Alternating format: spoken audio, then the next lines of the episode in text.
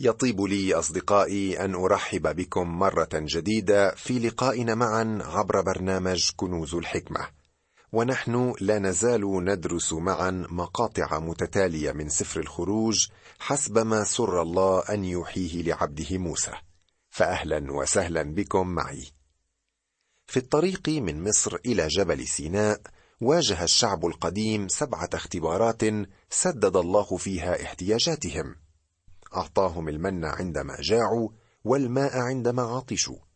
قام بتحلية مياه مارة ثم خلصهم من عمليق كل الطريق كان الله يحملهم على أجنحة النسور كما يفعل بنا اليوم. والآن على جبل سيناء يقوم الله بتذكير الشعب كيف اعتنى بهم طيلة هذه الفترة. ثم يعطيهم الخيار بين النعمه والناموس. وهم للأسف سيبدلون النعمة بالناموس. لم يعطي الله الناموس ابدا كوسيلة للخلاص. لقد أعطي الناموس ليبين أننا خطاه أعطي مؤقتا إلى أن يأتي النسل أي الرب يسوع المسيح. بإعطاء الشعب الشريعة من على جبل سيناء ابتدأ عهد الناموس. وهذه الفترة تمتد من جبل سيناء وحتى صليب الجلجثه من الخروج إلى الصليب. والناموس هو إعلان لشعب يعيشون تحت ظروف مثالية ولا يقدرون أن ينفذوا الناموس. كان الشعب على استعداد لتطبيق الناموس قبل أن يعرف ما هو. ثم أظهروا لمدة ألف وخمسمائة سنة أنهم لا يقدرون على إتمام الناموس. لقد تبدلت الأمور الآن. فإن الذي قال أنا حملتكم على أجنحة النسور هو ذا الآن مزمع أن يستتر في ظلام السحاب قائلا لموسى وتقيم للشعب حدودا من كل ناحية. فصوت النعمة وكلمات النعمة التي كانت تنسكب على شفتيه قد تحولت الآن إلى بروق ورعود صادرة من جبل مضطرم بالنار لأن الإنسان في غباوته نطق وهو في حضرة الله الظاهر بالنعمة بأقوال تشف عن اعتماده على أعماله التعيسة. ثم رأينا الجزء الأول من الناموس في الإصحاح العشرين. لقد أتت وصايا الله لتضع أمامنا مقياس الله. لم يكن ممكنا لأحد أن يتلاعب بالوصايا وينجو. كل إنسان يكرز بنعمة الله ولديه نظرة صحيحة للخلاص بالإيمان يعرف مقدار الناموس المميز. إذا كنت تستمر في عمل الخطية والعيش بها بخرقك الوصايا العشر فأنت يا أخي لست مخلصا بالنعمة. إذ عندما تكون مخلصا فإنك تبغي إرضاء الله وعمل مشيئته كما هي مبينة في الوصايا العشر. علينا أن نحترم هذه الوصايا كما قال المرنم في القديم كم أحببت شريعتك؟ اليوم كله هي لهجي. نتابع اليوم تأملاتنا في الإصحاح العشرين وسنجيب على السؤال الذي طرحناه في نهاية الحلقة السابقة.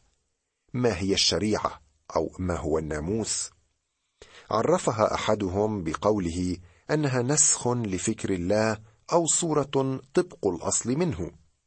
ولكن هذا التعريف لا يصلح لأنه لو كان كذلك فكأن الله ليس عنده سوى افعل هذا ولا تفعل ذاك. أين النعمة وأين الرحمة في ذلك؟ كلا الناموس هو التعبير عن فكر الله بالارتباط مع ما يجب أن يكون عليه الإنسان. لا يوجد إيه رحمة أو نعمة في الناموس ابدا. الناموس هو تعبير عن إرادة الله. يقول المرنم في المزمور التاسع عشر ناموس الرب كامل يرد النفس شهادات الرب صادقة تصير الجاهل حكيما. يتطلب الناموس كمالا من جانبك وأنا لم أرى في حياتي احدا استطاع أن يفي بمطالب الله ومقاييسه. نعم يتطلب الناموس الطاعة الكاملة لأنه ناموس كامل. وبما أن الناموس هكذا فإن الإنسان لا يستطيع نوال الحياة بالناموس. وإذا كان الأمر كذلك فإما أن لا يكون الناموس كاملا أو لا يكون الإنسان خاطئا. يستحيل على الخاطئ أن يحصل على الحياة بواسطة ناموس كامل. ناموس الرب أيضا صحيح. إن مفهومنا حول الخطأ والصواب متأثر بالبيئة من حولنا. وبوجود الطبيعة الساقطة فينا الناموس هو إعلان عن الله الذي وضع الخط الفاصل بين الخطأ والصواب. كيف تعرف الصواب؟ الله يخبرك بذلك. وهذا الجيل الحالي الذي يرنو نحو الحرية تراه يتشكك في مسألة الصواب. لماذا تعتبر السرقة خطا؟ يسألون. لا مانع لديهم من أن يسرقوا. ولكن عندما يأتي الأمر إلى مسألة الإعدام فإنهم يلومون السلطات على ذلك باتخاذهم من الناموس ذريعة. لا تقتل. يا لجهلهم بالناموس لماذا يعتبر الكذب والسرقة وما إلى ذلك خطية؟ لأن الله قال ذلك. الناموس أمر رائع جدا إذا ما استطاع الإنسان أن ينفذه بحذافيره. ولكن الإنسان لا يستطيع أن يتمم الناموس. والسجون والقيود والشرطة والمعاملات الطائلة للحصول على قروض بنكية وغيرها من الأمور تشهد بعجز الإنسان عن إتمام الناموس. الناموس لا يفرض نفسه. الله هو الذي يفرضه بتأثير كبير. مثلا خذ قانون الجاذبية. إنه قانون مفروض عليك ولا يمكنك أن تغيره. وإذا حاولت العبث به فإنك ستسقط على رأسك. كثيرون يعتقدون أنهم باستطاعتهم كسر الوصايا العشر دون أي مشكلة. كلا يا صديقي القانون هو القانون ولا يمكن خرقه. هذا يذكرني بطرفة قرأتها عن رجل قفز من على ناطحة سحاب. وبينما هو يهوي سأله رجل من نافذة الطابق الخمسين عن شعوره. أجاب الرجل كل شيء حسن حتى الآن. لم يكن قانون الجاذبية قد عمل عمله بعد. ولكن بعد خمسين طابق كان سيقول كل شيء أصبح سيئا الآن. القانون لا بد له أن يفرض يا صديقي. يقول الله في نبوة حزقيال النفس التي تخطئ هي تموت. الناموس أو القانون يفرض نفسه بالقوة. ولا بد لخارق القانون أن يعاقب. هناك أمر آخر ينبغي أن أوضحه وهو الخلط بين مبدأي النعمة والناموس. عندما تضع الناموس والنعمة في نفس الكفة فإنك تسلب الناموس عظمته ومعناه. لا يوجد محبة ولا نعمة في الناموس كما أن النعمة تسلب من صلاحها ومجدها إذا ما اختلطت بالناموس. تخلع عنها روعتها وجاذبيتها. كذلك فإن احتياجات الخاطئ لا تسد عندما يختلط الناموس بالنعمة. الناموس يضع أمامنا ما يجب أن يكون عليه الإنسان. أما النعمة فتخبرنا من هو الله. الناموس يقرر الواجب على الإنسان والنعمة تظهر لنا حقيقة الله. يكشف الناموس عن ماهية الله وعن الفرق الشاسع بين الله والإنسان. سأل بولس السؤال التالي. قولوا لي أنتم الذين تريدون أن تكونوا تحت الناموس ألستم تسمعون الناموس؟ من الأفضل أن تستمع إلى الناموس يا صديقي لأن الإنسان وزن بالموازين في الوصايا العشر فوجد ناقصا ومحتاجا. يكشف الناموس أيضا عمن هو الإنسان وعن عجزه لجسر الهوه بينه وبين الله. يخبرنا العدد التاسع عشر من الإصحاح الثالث من روميا ما يلي. ونحن نعلم أن كل ما يقوله الناموس فهو يكلم به الذين في الناموس لكي يستد كل فم ويصير كل العالم تحت قصاص من الله. ثم يقول بولس الرسول في نفس الرسالة لأنه ما كان الناموس عاجزا عنه فيما كان ضعيفا بالجسد. فالله إذ أرسل ابنه في شبه جسد الخطية ولأجل الخطية دان الخطية في الجسد. اذا الخطأ ليس موجودا في الناموس بل فينا. الناموس مرآة كما رأينا تكشف عن حالة الإنسان الفاسدة. كثيرون ينظرون إلى أنفسهم في المرآة ويظنون أنهم على ما يرام. وهذا يذكرني بالقصة الخرافية التي تعلمناها ونحن أطفال وما زالت تقص على أولادنا. عندما كانت الملكة الشريرة تنظر في المرآة وتسألها يا مرآتي من الأجمل في كل البلاد؟ كانت تريد أن تجيبها المرآة أنها هي الأجمل ولكن المرآة كانت تقول الحقيقة وصرحت بوجود فتاة أخرى أجمل. واليوم يوجد الكثيرون من الناس ممن ينظرون إلى مرآة الوصايا العشر ويسألون نفس السؤال من الأفضل؟ والمشكلة أنهم يرون أنفسهم الأفضل وأنهم قادرون على حفظ وصايا الناموس. ولكن لو تمعنوا في النظر وتركوا الجواب لمرآة الناموس لأجابت بالحقيقة. لم يجعل الناموس من أي إنسان رجلا خاطئا ولكنه كشف عن الحقيقة أن الإنسان خاطئ. مثل إنسان في غرفة مظلمة قد يكون محاطا بالأوساخ والأقذار ولكنه لا يعرف عنها شيئا بسبب الظلام. ولكن حالما يسطع نور أشعة الشمس من إحدى نوافذ تلك الغرفة يظهر له كل شيء. فهل ضوء الشمس هو الذي أوجد تلك الأقذار؟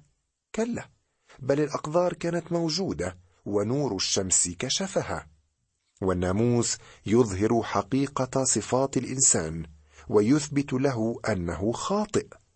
لقد أعطي الناموس ليأتي بالإنسان إلى المسيح كما رأينا كان هو مؤدبنا ومدربنا الذي يقودنا إلى الصليب ويخبرنا بحاجتنا إلى مخلص. والآن لننظر إلى الوصايا العشر ونتمتع بها وهي تنقسم إلى قسمين رئيسيين. القسم الأول يتعامل مع علاقة الإنسان بالله والقسم الثاني يتعامل مع علاقة الإنسان بأخيه الإنسان. قبل كل شيء سنقرأ من الأصحاح العشرين ابتداء من العدد الثالث وحتى السابع عشر. لا يكن لك آلهة أخرى أمامي. لا تصنع لك تمثالا منحوتا ولا صورة ما مما في السماء من فوق وما في الأرض من تحت وما في الماء من تحت الأرض. لا تسجد لهن ولا تعبدهن لأني أنا الرب إلهك إله غيور. أفتقد ذنوب الآباء في الأبناء في الجيل الثالث والرابع من مبغضية. وأصنع إحسانا إلى ألوف من محبية وحافظي وصاياي.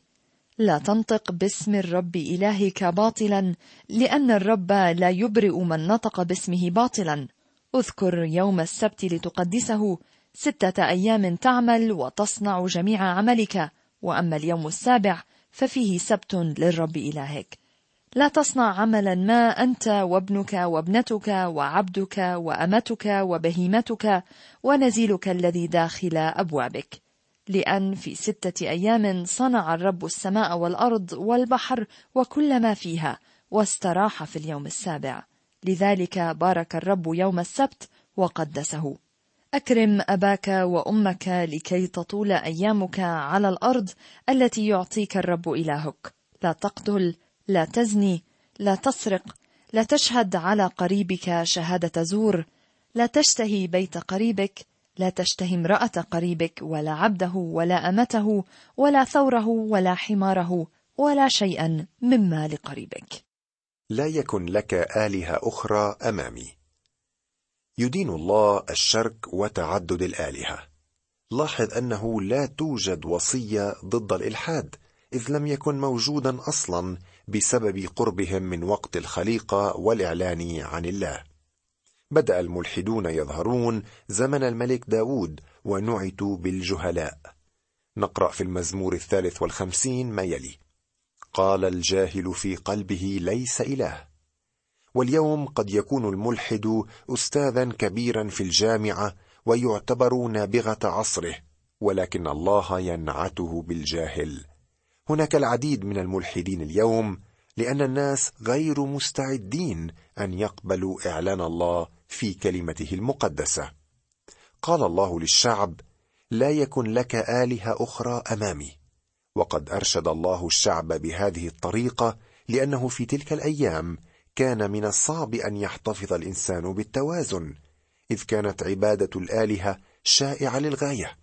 أما اليوم فالشائع هو ألا نعبد أي إله.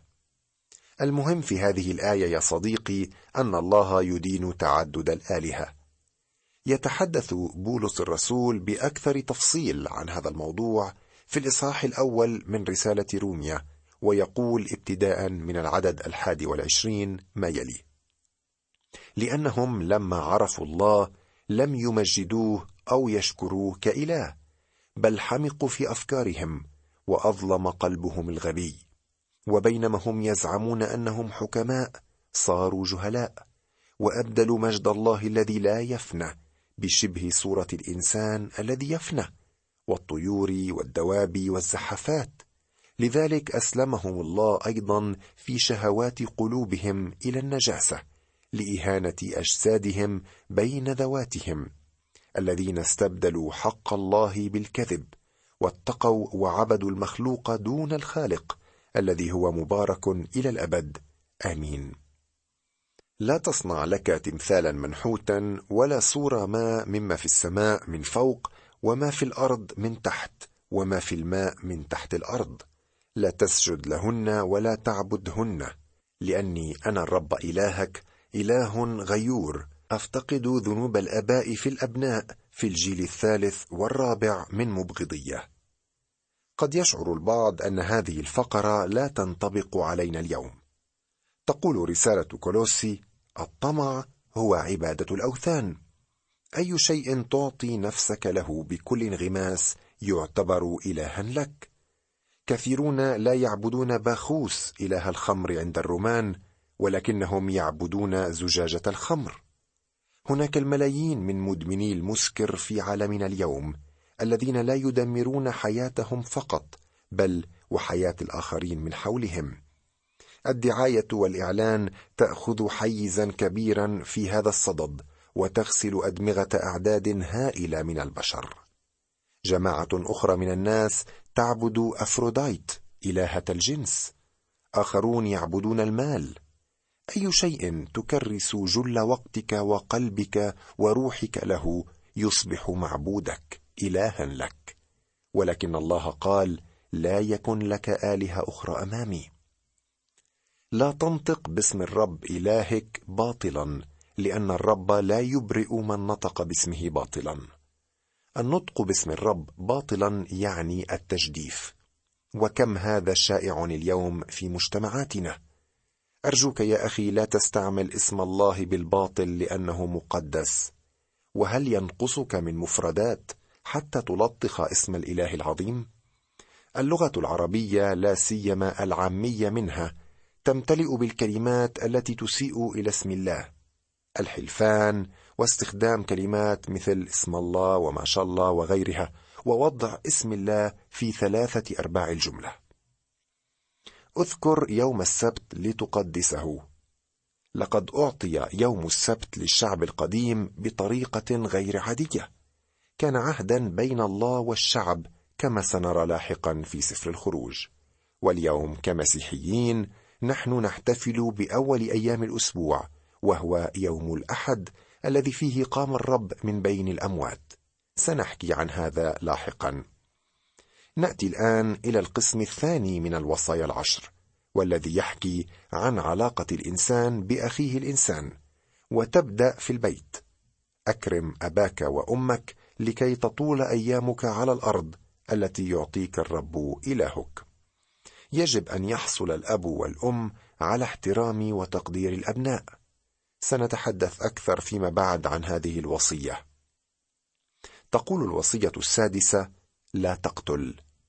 تستخدم هذه الآية من قبل الكثيرين الذين يعارضون حربا معينة. يقول بعض الشباب لا تقتل اذا لا يجب أن تصير جنديا. هذه الوصية لم تعطى لأمة بل للأفراد. لا يجب على الإنسان أن يقتل انسانا آخر. لا علاقة لهذه الآية بخدمة الجندي أو بتنفيذ حكم الإعدام. للأمة سلطة خاصة لأخذ حياة الإنسان حماية لحياة الإنسان. هذه الوصية اذا موجهة للفرد وتتحدث عن جريمة القتل التي استخدمها الرب ليصف غضبنا على أخينا. الوصية السابعة لا تزني. ونحن اليوم نعيش في قلب ثورة جنسية عارمة وما زال الجنس خطية إذا مورس خارج إطار العلاقة الزوجية. قد نظن أن هذه الوصية تغيرت اليوم بسبب التطور الذي أحرزه الإنسان. ولكن مبادئ الله لا تتغير ابدا يا صديقي وما زالت هذه الوصية قائمة ونافعة لانسان اليوم. ثامنا لا تسرق. النقطة التي أريد أن أوضحها هنا هي التالية. إذا كان بإمكانك أن تزني فسيكون بإمكانك أن تسرق وتقتل إلى آخره. المسألة عبارة عن رزمة واحدة. إذا أخطأت في واحدة فأنت تخطئ في الكل. لا تشهد على قريبك شهادة زور. هذا يعتبر كذبا. لا تشتهي بيت قريبك. لا تشتهي امرأة قريبك. ولا عبده ولا أمته ولا ثوره ولا حماره ولا شيئا مما لقريبك. الطمع كما قلنا سابقا هو عبادة أوثان. سيكون لنا فرصة للاطلاع على الوصايا العشر أيضا لاحقا. إلى اللقاء والرب معكم.